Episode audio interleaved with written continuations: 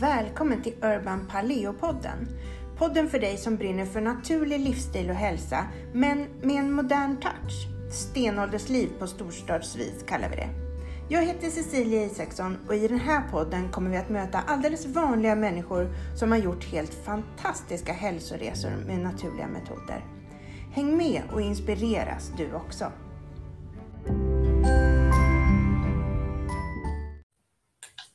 Hej och välkommen till Urban Paleo-podden. Idag har jag bjudit in Oskar Jansson. Oskar, han är stavhoppare och eh, har åtta SM-guld. Han har också både svenskt och nordiskt eh, eh, rekord i stavhopp i 14 år har han haft. Han har doktorerat i materialvetenskap med medicinsk tillämpning och är medlem i Mensa. Hej och välkommen Oskar! Tack så mycket. Glömde jag någonting där? Jag tror att jag det. Ja, kanske att eh, jag slog eh, världsrekord för 45-åringen nu i somras här på 5.25. Så jag håller fortfarande på trots att jag har eh, kommit upp i åldern lite då, 47 år. 47 år och jag slog världsrekord för 45-åringar. Ja, precis, precis. Ja, det är så häftigt. Ja, men nu ska egentligen inte prata om eh, din eh, friidrottskarriär här. Eh, för nu ska vi prata om istället din hälsa, tänkte jag. Ja. Eh, du slog ju igenom där, det är ju väldigt många år sedan. Och eh, håller fortfarande på. Och trots det här så har du haft mycket problem med skador och med sånt och eh, lyckats ta dig förbi det och faktiskt eh, lyckas prestera oerhört bra fortfarande. Så jag tänkte, kan inte du berätta lite? Hur eh, började och hur började du intressera dig för din hälsa? Eh, ja, jag har haft ganska mycket skadeproblem under min karriär och sådär. Och sen eh, så var det väl då efter jag slog nordiska rekord 5,87 2003 då så fick jag problem med, eh, jag hade en stressfraktur i foten, men eh, så var jag borta eh, ett tag då och sen, men sen kom jag tillbaka då några månader senare, 2004 då och jag hade ju problem, hade känning i baklåret och sådär då. Mm. Jag lyckades ändå och vad innebär de här stressfrakturer och känningar? Liksom, var du, gick du på kryckor eller? Liksom? Äh, nej, jag hade stressfraktur. Det var i fotknölen där. Då hade jag en sån här aircast där i. Mm. Månad var det väl då. Men sen. Eh, så det var ingen operation eller något sånt där. Men. Eh, men sen så eh, när jag började köra igång igen så började jag få ont i baklårsfästet och sådär då. Mm.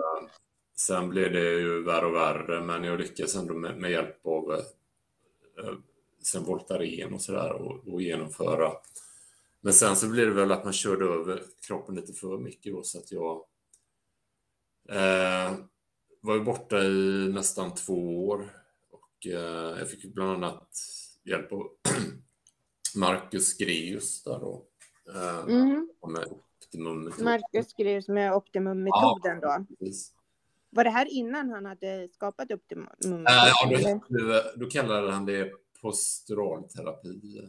Just det. Eh, mm. Och, eh, så han har utvecklat eh, den metoden rätt så mycket sedan dess. Då. Men mm. posturalterapiövningar och, så. och det funkar ganska bra. Jag blev, blev av med mina baklårsproblem och sådär.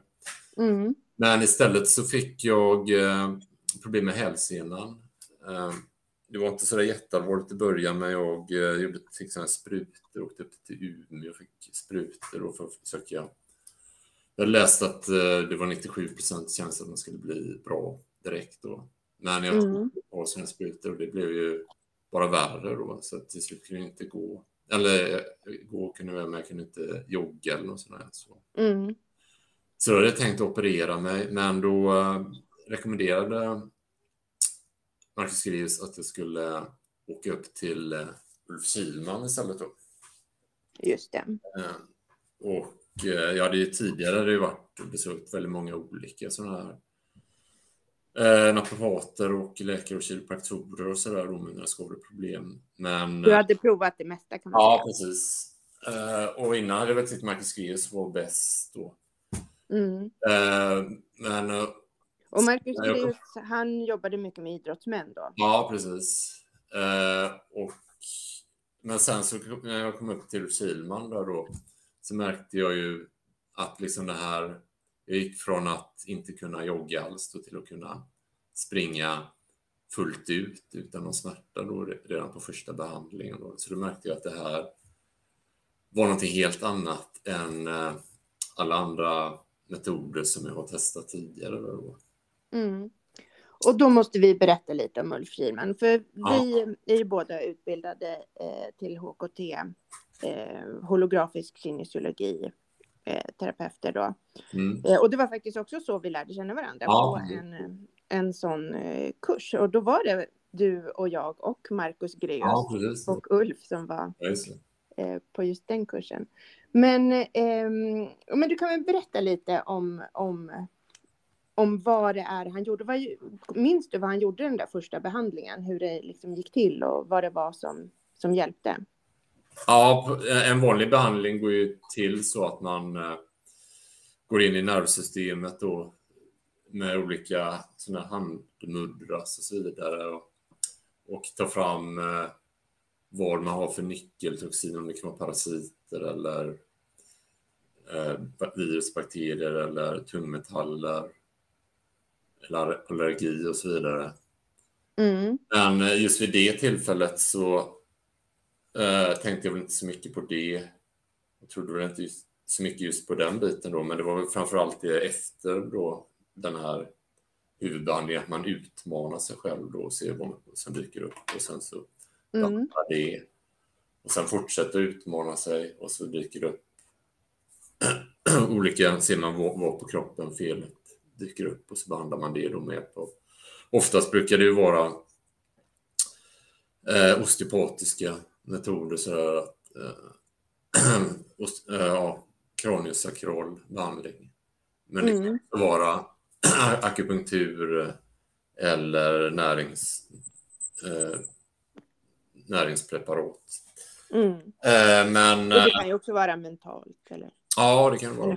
Ja, Ja. Eh, ja. Men som Mm. sagt, främst det där jag märkte en väldigt stora eh, skillnaden där då. Så i själva liksom utmaningen Ja, under behandlingen så, så Mm. blev du liksom smärtfri på första behandlingen. Ja, precis. Mm. Sen kommer det ju ofta... Och då hade du alltså å- gått till massor med naprapater, Ja. kiropraktorer och läkare och åkt till Umeå och fått sprutor Ja, och allt möjligt. Ja, Ja, det är rätt häftigt. ja, ja verkligen. Eh, och, men, men sen kommer det ofta... Det känns ju väldigt bra efteråt, men sen så utsätts man ju för olika saker i livet. Man äter olika mat som inte, kanske inte är så bra. Omgivningen kanske inte är så bra. Eh, och då går man ofta tillbaka igen lite grann och man lägger på sig olika fel och sådär. Mm. Eh, så eh, då får man ju gå tillbaka igen och sen så känns det väldigt bra igen då efter, eh, efter behandling och sådär då. Mm. Eh, Så det var väl lite det då jag kände att det skulle vara bra om man kunde de här teknikerna själv, så man skulle kunna behandla sig själv när man känner att man börjar lägga på sig dåliga fel och så på grund av mat eller omgivning och så här. Så det var därför jag ja, ville gå utbildningen då. Så först eh, var det redan 2009, det var innan han hade börjat ge utbildningar själv då, så gick jag någon helgkurs hos eh, eh, kinesiologiskolan där. Svenska Mm. skolan hos Mac Pompejus där. Och Just det. då fick man lära sig lite om, om muskeltester och sådär. Men sen var det väl först då eh, 2018 då som vi gick den här helgkursen där då. Mm. Sen gick jag den stora utbildningen då, yrkesutbildningen då 2000, 2020 till 2021. Då. Just det. Mm. Ehm, ja, eh, och, eh, men du har ju det att du har ju alltid, eh, eller i alla fall så länge jag har känt dig, så har ju du eh, testat dig själv. Och, ja. liksom, och haft väldigt koll på både mat och, och kosttillskott och, och allt som du har stoppat i dig. Eh, kan inte du liksom berätta lite mer om, om, om det och hur det har mm. påverkat och hur det startade upp? Mm. Det är ju, kan ju vara lite lurigt att testa sig själv då i och med att man, man både är terapeuten och eh, patienten samtidigt. Då. Så att eh, mm. det är väldigt viktigt då att man eh, är väldigt blank i, i sin behandling och det är lätt att man kan lura sig själv och kanske testa fel och sådär. Mm. Och det vet jag, det har du man, gjort, man, man har gjort många gånger har man gjort eh, lurat sig själv och man kanske vill att något ska funka bra och sådär. Mm. Man kanske, så att man har, har eh, men det är väldigt bra sätt ändå att man eh, kan ju, att man kan testa sig själv. Det är bättre än, än inget i alla fall om man säger så. Men sen mm. är det väl det optimala kanske att man har en, bra terapeut också som kan kolla. Så jag brukar ju oftast, eh, jag brukar gå rätt, fortfarande rätt så kontinuerligt till Ulf Kihlman och få behandling. Mm. Och sådär och, och se så att uh, man är på rätt väg och sådär. Mm. Ja men precis. Men eh, då fick du hjälp med den här med första behandlingen där med eh, och då var det hälsenan främst. Ja, precis. Mm. Ja. Och hur har det gått sen efteråt? Vad har mm. du liksom fått hjälp jag, med? Vad har... Jag kan ju äh, dra, jag, jag, nämnde det att jag inte trodde så mycket från början på det här med äh, de här äh, parasiter och virus och sådär och, och mm. medicin och sådär. Men sen var det några gånger efteråt jag kom då, då dök det upp faktiskt att jag hade en parasit. Då. Och jag hade ju inga symptom innan. Men eh, då fick jag en sån här medicin för att ta mot parasiten där då. Mm. Sen eh, någon dag efteråt då, då fick jag väldigt smärtor i magen då. Eh, men jag tänkte väl inte på att det skulle vara parasiten eller sådär då. Utan jag trodde mer att det berodde på örtmedicinen som jag tyckte smakade väldigt illa och sådär då. Så mm. jag slutade att ta den här örtmedicinen då. Eh, men då blev ju problemen ännu värre då. Eh, och jag hade ju problem väldigt, väldigt länge med det och jag gick till läkare men de kunde inte hitta någonting. Och så då. Men sen efter flera veckor då så, så ringde jag upp till Ulf Kihlman igen då, och då, då fick jag åka upp. Då sa han att jag skulle fortsätta, ta medicin och sen upp medicin och så skulle jag åka upp till, till honom. Och så fick han testa ut där då att jag behövde höja upp eh, dosen där av medicinen då. och då försvann de här eh, magsmärtorna direkt. Där då. Och då mm. lite där förstod jag då att även det här då med eh, den här djupare behandlingen funkade ju verkligen. Då. Ja.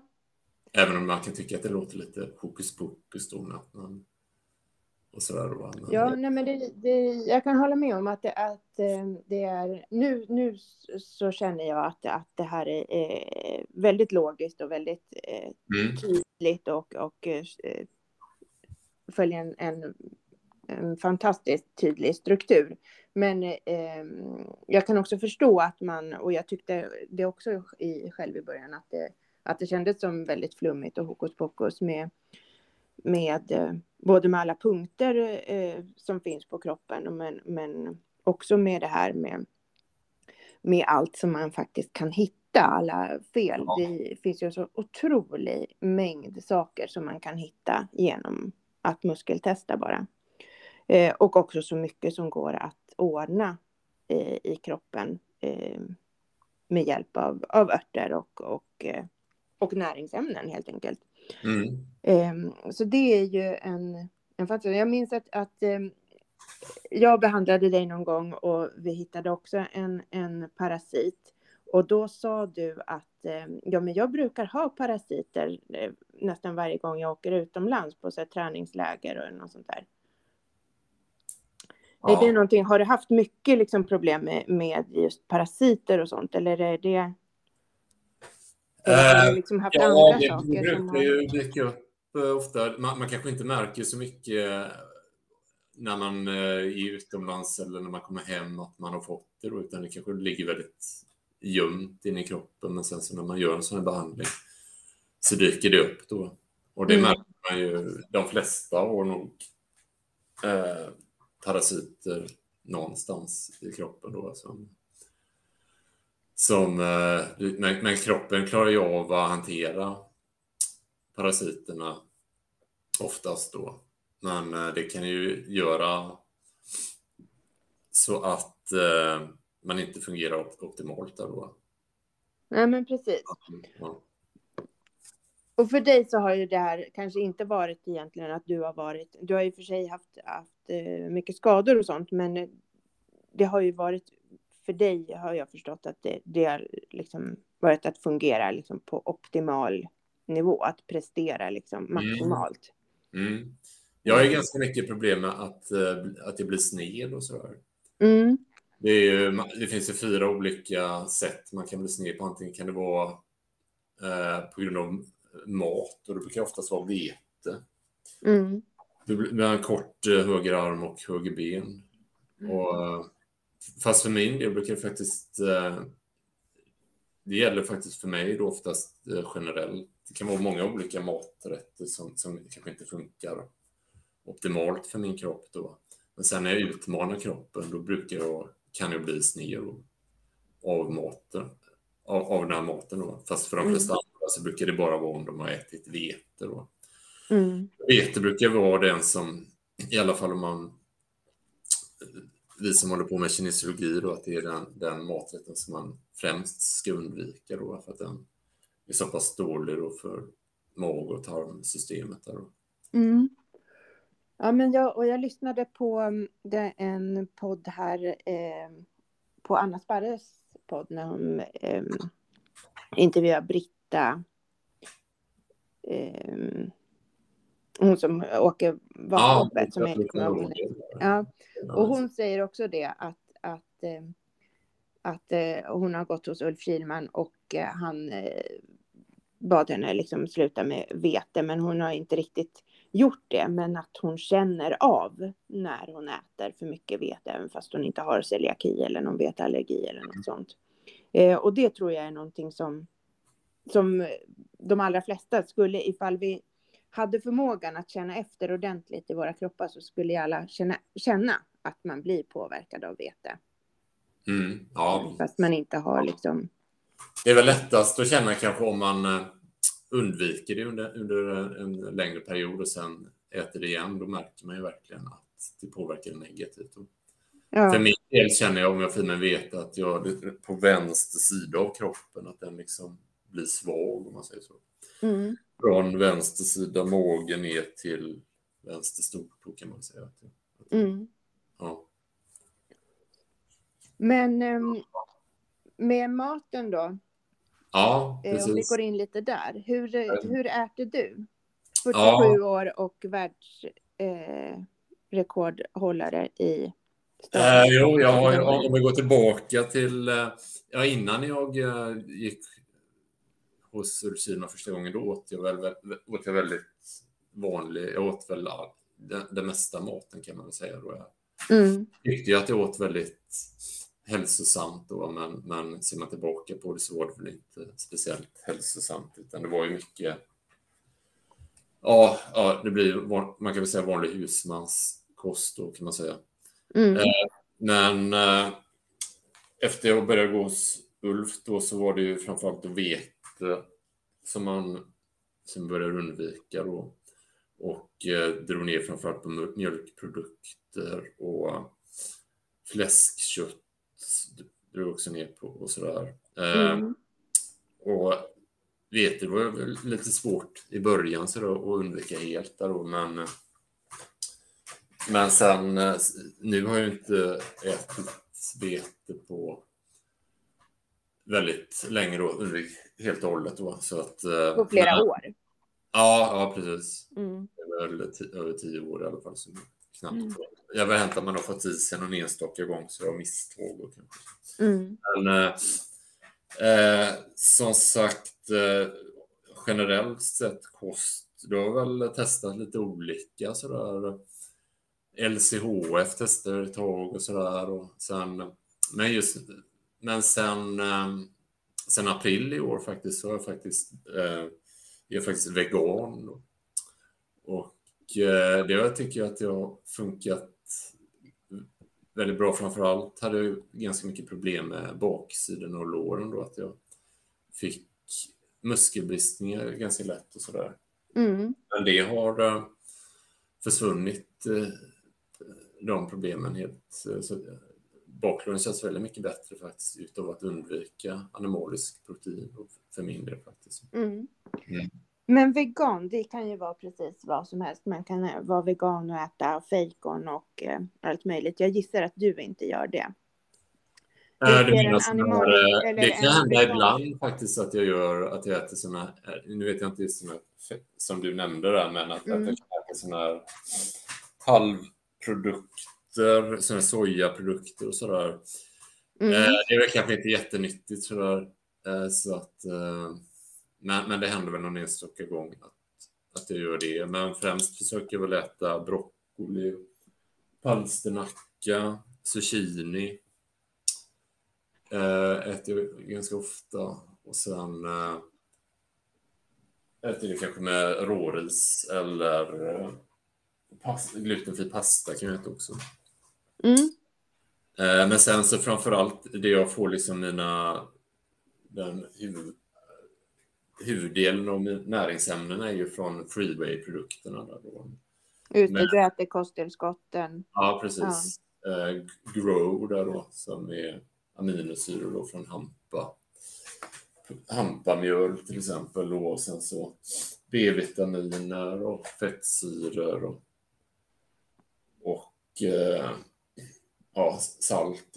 Ja, du har väl berättat tidigare om de här eh, freeway-produkterna. Så att jag äter Ja. de flesta av de här produkterna då. Så att jag får få i mig. Mm. Ja. Så du äter i stort sett eh, grönsaker och sen så får du energi från eh, glutenfri pasta och, och ris då. Mm. Sen har jag väl även, eh, det låter också kanske lite, jag jag har gått här mentala kinesiologin då som heter tuning där då. Mm. Och där har jag väl pro- programmerat om lite sådär så att jag eh, behöver inte äta lika mycket som jag gjorde förut. Då. Förut åt jag kanske Eh, frukost har jag inte ätit på väldigt länge, men jag brukar äta väldigt stora måltider till lunch. Då kunde jag äta buffé, kanske äta två, tre stora tallrikar och sen var det, Mm. sen var det Ja, lunch. för vi kan ju också berätta det att du är ju en, en stor... Eh, Ja, jag är 1,93 och väger runt 90, ja, drygt 90 kilo. Ja, runt Mm. 90, ja. 1,93 och runt 90 kilo och du ska också över en ribba som ligger fem meter upp i luften. ja, precis. Ja. Mm. Eh, som sagt, eh, ja men då, då åt jag ju väldigt mycket. Eh, sen middag då, stor, stora portioner och sen så kanske jag fortsatte att äta lite sn- snacks framåt kvällen där också. Mm. Men eh, nu så äter jag faktiskt bara de här freeway-produkterna då. Då blandar jag då liksom grow och glow som är olika torkade bär och, och eh, vetegräs och sådär. Och, och, och lite av de andra, D-vitamin, B-vitamin och sådana här health, det är ekologiska nordiska bär. Och lite bikarbonat och, fettsyror och sådär. Så Mm. äter jag fyra gånger om dagen då. Och sen så äter, brukar jag äta en, en måltid. Och då är det då de här eh, lite grönsaker och kanske ris eller pasta till. Eh, och sen eh, räcker oftast det. Sen kanske jag tar någon, någon snacks med eh, kanske någon eh, nötter eller choklad. Jag har försökt dra, jag, det har väl varit lite min svaghet, jag äter ganska mycket socker. Så. Mm. Så brukar ju inte rent kinesiologiskt, om man testar då.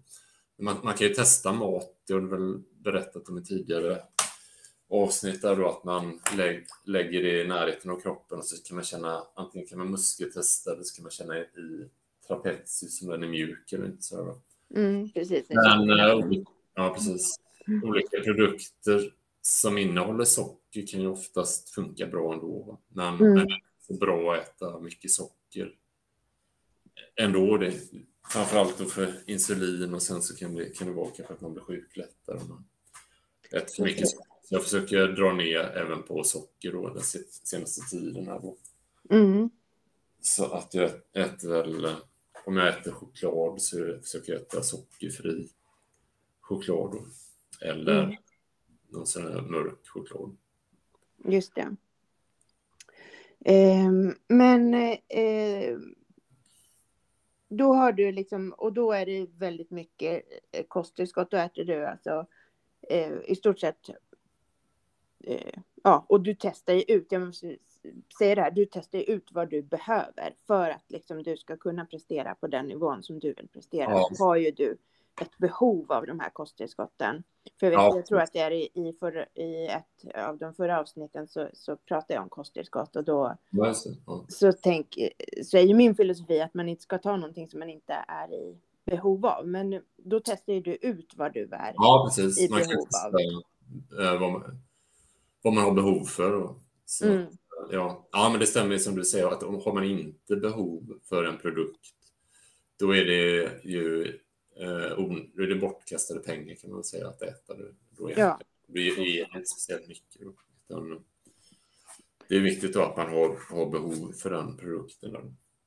Att, att det liksom är. Men, eh, men vad intressant här med maten att du ändå har liksom eh, lyckats mm, då mm, tuna om dig, eller vad man ska säga, mentalt. Eh, ja, jo, för jo. Det vet jag förut att vi har pratat om att, att eh, det här med att äta veganskt, att, att, eh, att man ja, blir väldigt hungrig ja. av det. Ja, precis. Jag har testat tidigare faktiskt också, mm. flera år sedan, och då kunde jag, kunde jag inte klara av det här att äta veganskt just för att det, det gav inte tillräckligt med energi då. Men, äh, men nu känner jag, har jag inga problem med det faktiskt. Mm. Mm. Och, och den här eh, tuningen då, Ja. Eh, den, eh, inte bara för det här, jag tänker att nej, har hjälpt dig också väldigt mycket liksom i, eh, i prestation och i tävlingsmoment och kanske i ja. för att kunna prestera. Ja, men det kan man säga generellt sett. Eh, inom de, de mesta, mycket, mycket kan ju vara så att man sett att man har mentala begränsningar. Ofta, ofta är det att man oftare är det att man eh, inte vill ha det för bra och sådär. Liksom. Snarare än att man Just det. vill ha det för dåligt. Det är snarare där som man sätter begränsningen att man vill ha det för bra än att man tänker negativt om man säger så. Mm. Så att eh, där, där är den också väldigt effektiv då för att ta bort de här eh, begränsande tankesätten och sådär. Och har du haft mycket sådana tankar som du har liksom fått bearbeta då? Uh, ja, men det har jag haft uh, en del. Uh, det, det, kan man ju också göra med... ofta brukar man i holograf, i, i den här fysiska behandlingen också efter behandlingen kunde få tänka positiva tankar och då brukar man, då kan det här, kunde det ofta bli hård i nacken och då, då dyker det upp någonstans fysiskt där då man har när man har tänkt. Ofta brukar det vara positiva och då kan man behandla bort det och så. Mm. Eh, att man lär kroppen att, att, ja, precis. att faktiskt tillåta sig att... att eh, och likadant med, med här, eh, de här dropparna, emotionella dropparna. Mm. Eh, som, jag vet, vet, inte om de är till salu för allmänheten just vid tillfället, men de kan köpas hos terapeuter och sådär. Där kan man ju till exempel om man ska ha en, det gjorde jag faktiskt, kan jag avslöja, när jag var på intervju här, en jobbintervju här nyligen, så uh, låste jag in då att jag skulle prestera bra på den här jobbintervjun. Då. Och sen mm. testar man fram vilken av de här dropparna som, uh, som, som man har behov av då. Mm. Och då uh, Ja, men då gick det väldigt bra också på intervjun och fick jobbet och sådär. Så att... Eh. Ja, men det är fantastiskt. Det här låter ju jätte, jätteflummigt. Att man ja. går in och att eh, man tar droppar för att prestera bra. Men eh, de här dropparna, jag har också haft en... Eh, jag har ju ja, men en väldigt... Jag vill ju att saker ska ske nu. Jag vill ha snabba resultat hela tiden. Det är liksom lite av min akilleshäl i, i livet. Att jag är så otålig. Och då mm. finns det ett par droppar där som heter eh, patience. Ja, okay, okay. Alltså tålamod. Ja. Och eh, när de dropparna har liksom gått in, när liksom min kropp har varit i behov av dem, då har jag verkligen känt en, en så otrolig skillnad på, i, i kroppen. Och jag tror även att liksom man skulle mäta mitt blodtryck när, före och efter jag tagit dropparna så skulle man liksom se en drastisk mm. förändring. Ja. Um, så det är också en, ja, men en superbra eh, behandling för, för det mesta egentligen som har. Eh... Ja, precis. Man, man, man tycker ju att det låter märkligt att eh, hur kan de här dropparna som inte, egentligen inte innehåller något, någon uh, substans, då, utan det är bara frekvenser, hur kan de fungera så bra? Då? Men det, mm. men fungerar verkligen bra. Mm. Och det är så härligt att du säger det som är eh, ingenjör och eh, doktor och eh, eh medlem i, i Mensa. Att faktiskt du också sitter och säger att ja, jo, precis. Ja, det, är, ja, det är ju ganska vanligt. Kanske om man är, håller på inom med, med vetenskap så att man eh, blir väldigt skeptisk mot eh, alternativmedicin och sådär. Men eh, Samtidigt så måste man ju se till verkligheten att om det fungerar och jag, jag har ju hållit på så pass länge med det här och sett och jag är ganska kritisk om också då och jag har ju, har ju sett att det fungerar då. Mm. Och då, då måste man ju eh, erkänna att det fungerar då. Ja, precis. Då får man får man acceptera det bara och, och göra som det. Och att eh, man, man kanske inte vet eh, 100 procent hur eh, allting fungerar i, i världen då med, med till exempel sådana här eh, frekvenser och så vidare. Mm. Hur det påverkar. Ja, fram, framförallt hur, hur människokroppen fungerar fullt ut. Eh, det, det, den är ju väldigt komplex och, och sådär. Så att, eh, mm. Mycket som eh, inom traditionell eh, kinesisk medicin och vedisk medicin. Där många av de förklaringsmodellerna verkar ju eh, finnas många stora sanningar i där och som kanske inte den västerländska medicinen eh, accepterar fullt ut. Nej. Nej, men precis. Mycket, mycket kunskap som vi har haft eh, ja, i, genom historien som mm. vi ja. nu liksom bara ja, det har nog funnits här i Europa och västerlandet också, den kunskapen också. Mm. Men den har ju glömts bort. Ja, men precis. Mycket som, som säkert som våra eh, farmödrar eller deras farmödrar mm. eh, mm. visste om och som sen liksom har, har förlorat den kunskapen. Ja. Men eh, jag tänker här lite mer eh, med det är liksom den holografiska kinesiologin. Jag brukar ställa en fråga här på slutet eh, och säga liksom om du fick välja bara en grej som haft störst betydelse för din hälsa, vad skulle du välja då? Och jag förstår ju av det här samtalet vad det ska vara för någonting. Eh, men du kanske vill säga det själv? Det kanske är något annat? Uh, nej, men det skulle jag nog säga att, att det är då holografisk uh, kinesiologi faktiskt som haft den största. Uh. Skulle jag nog säga då, ja. Uh, och om jag ska säga någonting inom den här då, så, så är det väl kosten är väl det som är, är det viktigaste ändå skulle jag säga. Då. Kosten är det som liksom har gjort störst skillnad för ja, dig? Ja, det, det är väl det som är, är den uh, grundläggande. Mm. Mm. För du kan märka eh, klart och tydligt på men, träning och tävling ja. vad du äter och hur du presterar. Ja, precis. Kan jag gissa. Mm. Um, men um, jag tänker att i det här, du har liksom haft olika skador och du har liksom, hur kommer det sig att, um, att uh, du uh, liksom fortfarande håller på? Jag tänker att ja. Patrik uh, Kristiansson som väl är den som var liksom i din generation och som kanske var mer känd än vad du var, fastän det var du som kanske höll, hade rekordet längre, men han var väl mer eh, den som syntes i media. Han kanske inte heter Kristiansson längre, han kanske heter Klyft nu för tiden. Ja, det är så. Ja. Ja. Men han slutade väl då när han var kanske 30? Eller något? Mm, ja, runt där någonting. Ja. Mm. ja. Och du är 47 och hoppar fortfarande. Mm. Ja. Och faktiskt så tog väl du, alltså, du har väl vunnit SM ganska, alltså för bara några år sedan, tänker jag. Har du inte gjort det? Ja, eh, ja jag vann. Eh, senast jag vann var väl 2017 inomhus där då. Och så var jag 2017 inomhus. Ja. I år var jag åtta på SM. Åtta på SM. Mm. Eh, men jag var faktiskt tredje, mitt resultat var faktiskt tredje bäst i Sverige i år faktiskt. Mitt bästa resultat. Ja. Och det här är ju så häftigt. Du är 47 år och tredje bäst i Sverige på stavhopp. Och då ska vi också tänka att det är ju Duplantis som är Ja, etta.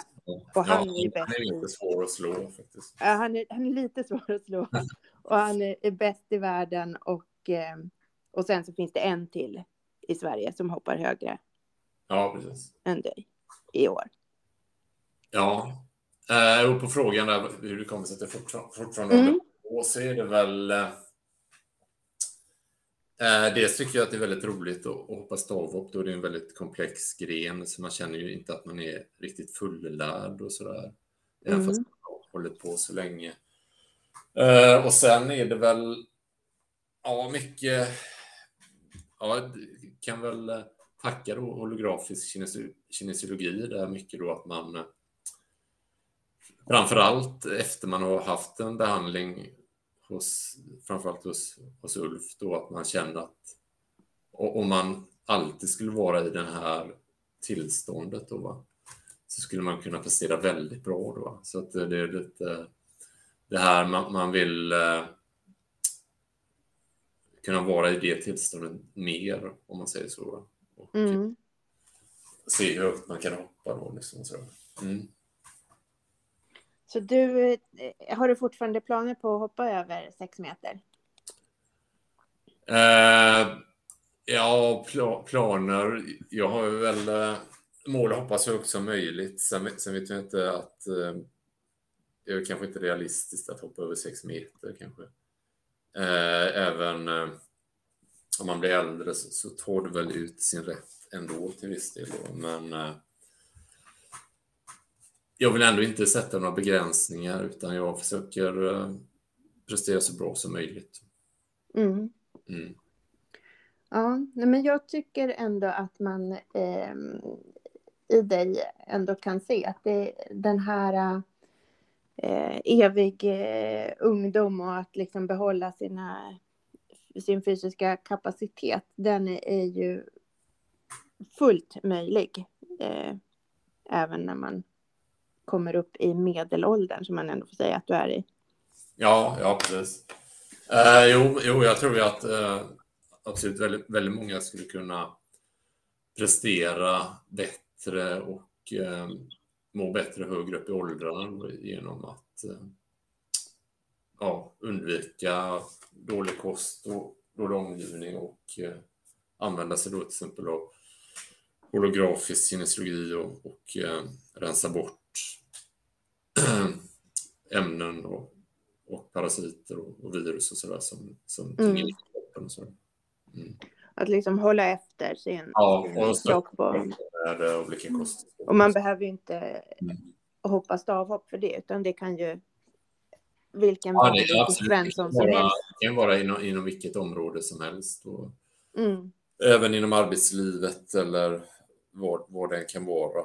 Men, men oftast brukar det vara eh, elitidrottsmän som eh, de, de, de känner ju ofta sin kropp väldigt väl och de beroende av kroppen för att prestera. Då, och då kanske man har, är mer benägen då just att, att känna av bättre hur effektivt en sån här behandling är då än- än någon som kanske inte pushar sin kropp lika mycket. Då. Man Mm. kanske inte märker lika mycket då. Nej, precis. Jag tror att man Nej. antingen om man är väldigt, eh, om man är sjuk och så Ja. känner man att man Ja. blir bättre eller ifall Mm. man liksom vill Absolut. prestera Mm. bättre på topp. Det är väl det då man känner efter ordentligt i kroppen. Precis. Är man normal frisk eller normal sjuk så kanske man inte känner så jättestor eh, skillnad eller, eller inte har lärt sig att känna efter ordentligt Nej, i kroppen. Eller? Mm. Ja, men jätteintressant Oskar att eh, få höra lite om hur du har använt dig av holografisk kinesiologi och hur det har hjälpt dig att prestera, eh, ja men både egentligen på eh, friidrottsarenan och även eh, arbetsmässigt med det här jobbet som du fick och att det, ja. Mm. Och du har ju också ett eh, eget företag där du tar emot eh, kunder och från den första december så kommer du finnas i Skara. Ja, det stämmer bra det faktiskt. Ja. Eh, och eh, var hittar man dig? På Oskar Jansson Ja, oskarjansson.se. Ja, och då är det Jansson med ett S, eller? ja, precis. Mm. Oskar, och annars på Boka Direkt kanske? Ja, där finns jag också. Ja. Och vad heter ditt företag? Det heter Oskar Jansson Health and Performance Coach. Oskar Jansson Health and Performance Coach. Ja.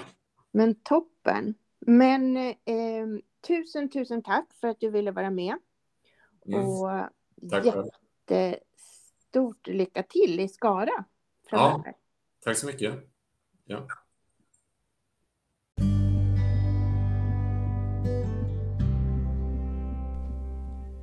Du har lyssnat på Urban Paleo-podden Stenåldersliv på storstadsvis. Jag är så glad att du är här och har lyssnat. Och jag hoppas att du gillade podden och vill hjälpa mig att sprida den vidare. Du kan göra på flera olika sätt så att flera får upp ögonen för min podd. Till exempel så kan du lämna en review eller du kan ratea den och ge den fem stjärnor om du tycker att den var värd det. Eller du kan ta en skärmdump på det här avsnittet och dela på dina sociala medier.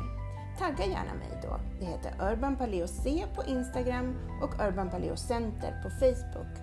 Men än en gång, tack för att du lyssnar och tack för att du hjälper mig att sprida Urban Paleo-podden vidare.